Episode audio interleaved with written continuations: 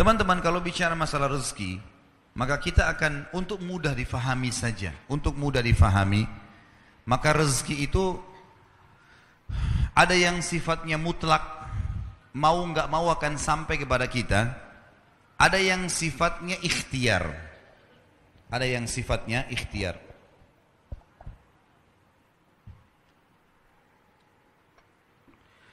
Kalau yang mutlak teman-teman sekalian, mau nggak mau datang kepada kita. Biarpun kita lagi duduk di rumah, maka rezeki itu akan datang.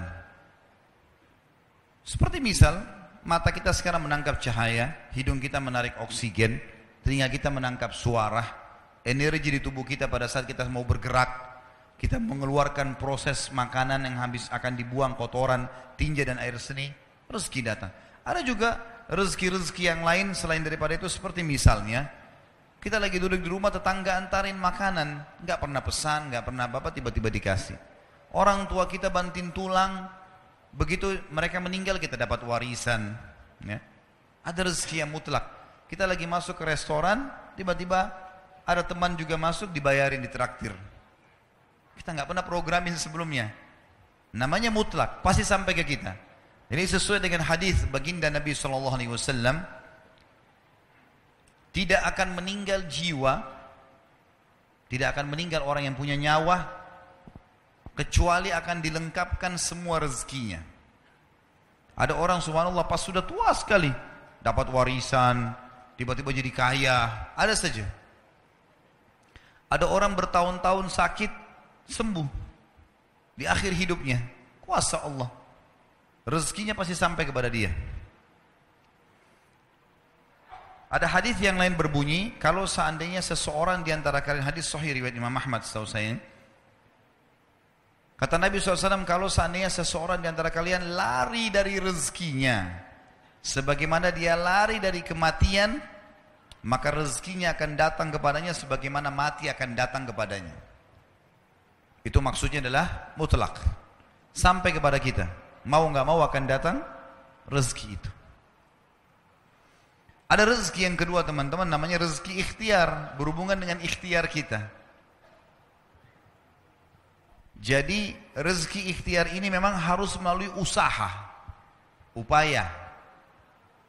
Seperti misal ada orang sudah S1, dia kerja jadi dosen di kampus, dapat gaji 5 juta.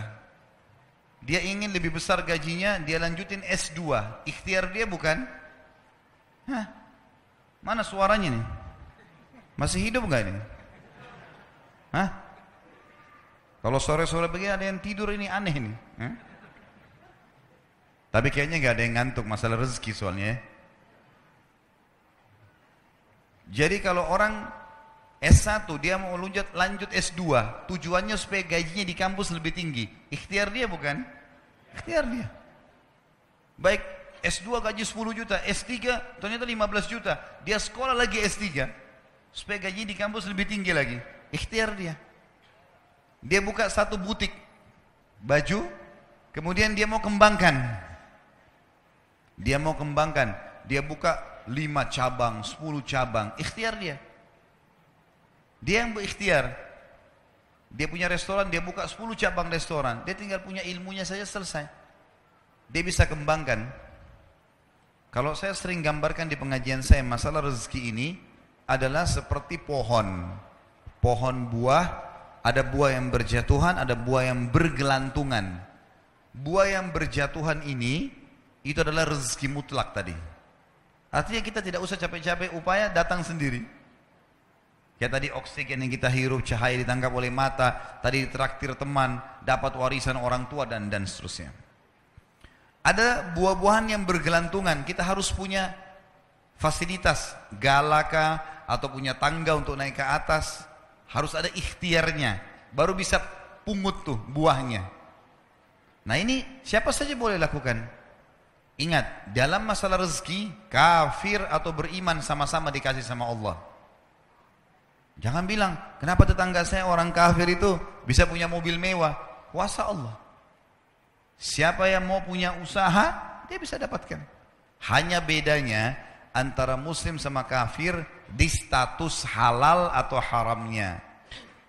Kalau muslim teman-teman sekalian, kita ini orang muslim, buah-buah yang berjatuhan dan buah-buah yang bergelantungan tadi yang dibolehkan ambil hanya yang berkualitas.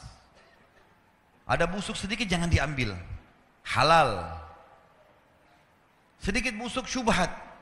Bagus gak ya? Jangan diambil. Kalau orang kafir semua diambil. Mau busuk, mau enggak, semuanya diambil. Kalau muslim tidak. Dan subhanallah, dalam masalah ini, para ulama mengatakan seorang muslim mendapatkan keberkahannya. Nanti akan kita bahas masalah itu. Dalam kiat-kiat mempertahankan dan menjadikan rezeki supaya berkah. Jadi ini gambaran rezeki teman-teman sekalian. Dan supaya kita tidak menyangka buruk dengan Allah, harusnya seseorang di antara kita teman-teman sekalian, harusnya seseorang di antara kalian, ini wajib hukumnya, mengetahui bahwasanya kalau kita ingin mempertemukan tentang kondisi kita dengan kondisi orang lain, maksudnya kondisi orang non muslim misalnya, Pertemukan yang sesuai, yang sepadan. Misal, tidak adil kalau saya seorang pegawai, gaji saya satu juta misalnya, atau dua juta rupiah. Saya pertemukan dengan tetangga saya yang seorang miliarder kafir. Nggak bakal adil itu. Yang adil adalah pertemukan coba keadaan kita dengan kafir yang gajinya sama dengan kita. Nah baru kita tahu bagaimana berkahnya rezeki itu. Harus adil. ya. Seperti kasus masalah kemarin di pilkada di Jakarta, saya juga bahasakan masalah itu. Tidak adil sekarang banyak orang non muslim ini mengatakan atau orang-orang munafik dari kaum muslimin pura-pura Islam dia bilang lebih baik pemimpin kafir yang tidak korupsi daripada pemimpin muslim yang korupsi. Ini tidak adil ini. Mestinya pertemukan begini, non muslim yang tidak korupsi dengan muslim yang tidak korupsi. Nah itu baru adil. Kafir yang koruptor dengan muslim yang koruptor, nah baru adil. Nggak bisa dipertemukan antara ini dengan ini, tidak bisa. Tidak bisa kita pertemukan keadaan kita yang gaji satu juta dengan tetangga non muslim yang satu miliar gajinya atau pendapatannya. Nggak adil namanya. Maka harus kita sesuaikan di sini ya. Harus kita sesuaikan supaya kita tidak sangka baik, eh, tidak sangka buruk dengan Allah subhanahu wa ta'ala. Ingat, Allah selalu dengan prasangkaan hamba-hambanya. Ini harus digarisbawahi teman-teman sekalian. Banyak kisah nyata berhubungan dengan masalah ini. Kalau kita menggantungkan nasib kita pada Allah luar biasa. Ada seorang syekh. Saya dengarkan ceramahnya, menarik sekali. Saya tidak tahu orang itu siapa, tapi cuplikannya saya dapatkan dari seorang teman dari Jeddah yang mengirimkan ke saya. Orang ini cerita, syekh ini menceritakan, cuplikannya ada di HP saya, dia bilang, saya satu waktu pernah ke Mesir, dan di Mesir ini saya lagi dari satu daerah mau ke Kairo, dari Iskandaria, satu kota, mau ke Kairo. Itu saya tiba di Kairo mungkin sekitar jam 2 malam. Pesawat saya selepas subuh harus berangkat kembali ke Saudi. Dia bilang saya telepon pengurus masjid, saya mungkin mau mampir di masjid yang saya ceramah kemarin di Kairo itu. Saya mau tinggal di sana mungkin 2 jam, 3 jam istirahat. Nanti habis itu baru kemudian saya berangkat ke Saudi habis subuh. Dia bilang, saya masuk ke masjid, tiba jam 2 malam, turun dari mobil, saya masjid, lampunya nyala semua nih. Kemudian setelah saya masuk masjid, saya temukan ada orang di mihrab, imam, lagi sujud, nangis-nangis. Dan luar biasa, tangisannya itu kalau orang dengar membuat orang yang dengar pun mau menangis. Jadi saking luar biasa dia, merengeknya sama Allah dalam sujudnya. Kata Syekh ini, saya pun sambil berdoa sama Allah, ya Allah kabulkan permintaannya orang ini. Walaupun saya belum tahu apa yang diminta gitu. Dia bilang selesai dia sholat, saya dekati dia, saya bilang, Masya Allah, doa apa ini? Luar biasa ini. Doa yang diikuti dengan tangisan di sepertiga malam menjelang subuh. Allah turun ke langit bumi dikabulkan nih. Dia bilang demi Allah Syekh. Karena Syekh ini orang Arab biasanya panggil bisa orang pintar, bisa orang kaya, bisa orang tua. Jadi kalau antum dipanggil Syekh jangan bangga dulu ya. Karena banyak maknanya itu. Ya. Jadi Dipanggil syekh. Dia tidak tahu biasa juga di Saudi begitu ya. Kalau ada orang kita tidak kenal dipanggil syekh, syekh sini syekh. Walaupun antum bukan syekh sebenarnya gitu. Ya. Maka dia bilang demi Allah syekh. Dia tidak tahu kalau ini orang memang ulama gitu. Istri saya sekarang lagi dirawat di rumah sakit. dan saya harus bayar 14.500 jenis atau pon, ponnya Mesir. Saya harus bayar rumah sakit. Kalau enggak istri saya enggak bisa dioperasi. Ini sudah parah sekali. Kata syekhnya, jadi gara-gara itu kau sama Allah. Dia bilang iya, lanjutkan nangis sama Allah. Allah tidak akan meng, Allah tidak akan menyanyiakan orang yang ikhlas minta padanya. Lanjutkan, nikmati sujudmu. Pasti Allah akan berikan jalan keluar. Dia bilang iya baik. Orang itu dia bilang kembali lagi ke mihrab nangis lagi. Sholat sujud sama Allah ya Allah dan dalam doanya begitu. Ya Allah istri saya mau dibayar besok rumah sakitnya. Jumlahnya sekian saya tidak pegang uang satu jenis pun. Ini 14.500 jenis. Banyak sekali. Maka dia bilang, orang ini bilang baiklah kalau begitu. Saya orang eh, syekhnya ini bilang saya mau tidur dulu. Saya istirahat satu jam menjelang azan subuh dia bilang. Ada marbot masjid datang bangunin saya. Sudah azan, saya sholat qobliyah, sholat sunatul fajr. Waktu iqamah, pengurus masjid tahu kalau dia ini ulama, dipanggil dengan syekh, tolong jadi imam. Dia bilang saya capek, baru istirahat satu jam, dua jam malam. Biarlah imam, dia tidak apa-apa, ayat-ayat pendek aja, baca surah-surah pendek aja. Kata syekh, baiklah. Dia bilang saya baca, saya baca surah-surah pendek. Rupanya mikrofon masjid karena keluar di luar, ada satu pengusaha Mesir, apartemennya itu dekat masjid dan dia suka ikuti ceramahnya Syekh ini di YouTube. Dia bilang, turun dari apartemennya, ikut sholat berjamaah di masjid. Karena dia kenal suaranya orang ini gitu. Begitu selesai sholat, dia bilang, saya lagi zikir, datang orang itu. Dia bilang, Syekh, ahlan usahlan di Mesir. Saya salah satu penggemar anda di YouTube dan saya, uh, apa namanya, dengar suara tadi, saya tadi mau sholat di masjid lain, saya ke masjid ini. Dia bilang, Syekh, saya mau minta tolong satu hal. Kata Syekhnya, kenapa? Dia bilang, saya sudah ngitung zakat uang perusahaan saya. Saya harus alokasikan 14.500 jenis. Kata Syekhnya. Orang itu bilang, saya mau alokasikan zakat saya 14.500 jenis. Kata Syekhnya, saya nangis. Dengar itu. Nangis, saya terisak-isak. Kata orang itu, kenapa anda nangis? Syekh bilang, saya nggak saya nggak bisa jelasin. Dia bilang saya nangis terus. Kemudian saya lihat ke kiri kanan di soft, mana orang yang tadi malam sholat tahajud tuh. ada di ujung. Dipanggil sama Syekh.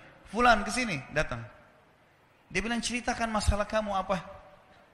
Dia bilang Syekh saya punya masalah istri saya dioperasi harus bayar 14.500 jenis hari ini kalau tidak nggak operasi. Kata Syekhnya tiba-tiba si pengusaha ini nangis-nangis. Orang ini juga heran, kenapa kalian berdua menangis? Dia masih bingung kenapa gitu. Kata syekhnya biarin orang ini yang jelaskan. Yang punya usaha bilang apa? Demi Allah syekh, saya sudah satu minggu taruh uang ini di lemari saya, sudah satu minggu. Setiap hari istri saya bilang, turunkan, lakukan haknya Allah, zakat itu keluarkan. Dia bilang, saya ingin dapat satu orang yang saya kasih langsung daripada saya bagi-bagi. Saya mau satu orang saya kasih, selesaikan masalah dia. Dan Allah selamatkan saya di akhirat. Orang ini jadi nangis. Orang yang punya minta butuh nangis. Kata pengusahanya, ini uangnya silahkan. 14.500. Semoga Allah selesaikan urusan saya di akhirat gara-gara saya bantu kamu. Kata syekhnya, demi Allah yang terjadi, orang ini, yang si, siapa namanya? Orang yang punya uang ini, yang dikasih uang, dia tiba-tiba lupakan saya dan lupakan si pemilik uang. Dia langsung angkat kepalanya ke langit sambil menangis mengatakan, Ya Allah aku mencintaimu. Terpenuhi kebutuhannya. Gitu kan. Kuasa Allah Teman-teman cuman kita selalu buru-buru. Kalau seseorang kita di perusahaan mau dinaikkan gajinya saja, mau naikkan jabatannya, dia harus tulis permohonan. Tidak mungkin juga baru hari ini dimasukkan kemudian ketuk ruangan di rootnya. Mana permintaan saya kemarin? Atau hari ini nggak mungkin. Seminggu dia sabar, dua minggu dia sabar dengan berharap datang panggilan. Kenapa dengan Allah Subhanahu Wa Taala kita tidak begitu teman-teman? Banyak orang buru-buru, dan kebanyakan orang mau menggantungkan permintaannya kepada Allah hanya pada hal-hal yang kecil. Hal yang besar tidak. Atau sebaliknya, hal yang besar, hal yang kecil tidak. Kenapa tidak pernah minta sama Allah dikasih motor, dikasih mobil, dikasih rumah? Kenapa hanya minta kalau penyakitnya dihilangkan baru kembali kepada Allah? Itu pun sering kali kita jadikan Allah nomor 30 teman-teman sekalian. Ke dokter ini, ke dokter itu, resep ini, resep. Nanti kalau sudah mentok nggak bisa sembuh baru sholat tahajud. Hah? Salah. Islam mengajarkan kita apa? Sebelum makan berdoa, sebelum tidur berdoa, sebelum aktivitas berdoa, sebelum ke dokter doa dulu supaya Allah jadikan kesembuhan. Karena dokter resepnya cuma semoga lekas sembuh. Tidak ada pasti sembuh. Makanya teman-teman sekalian kembali kepada Allah adalah jalan yang paling luar biasa. Gitu. Coba merengek kepada Allah SWT. Allah pasti tidak akan pernah memungkiri janji-janjinya.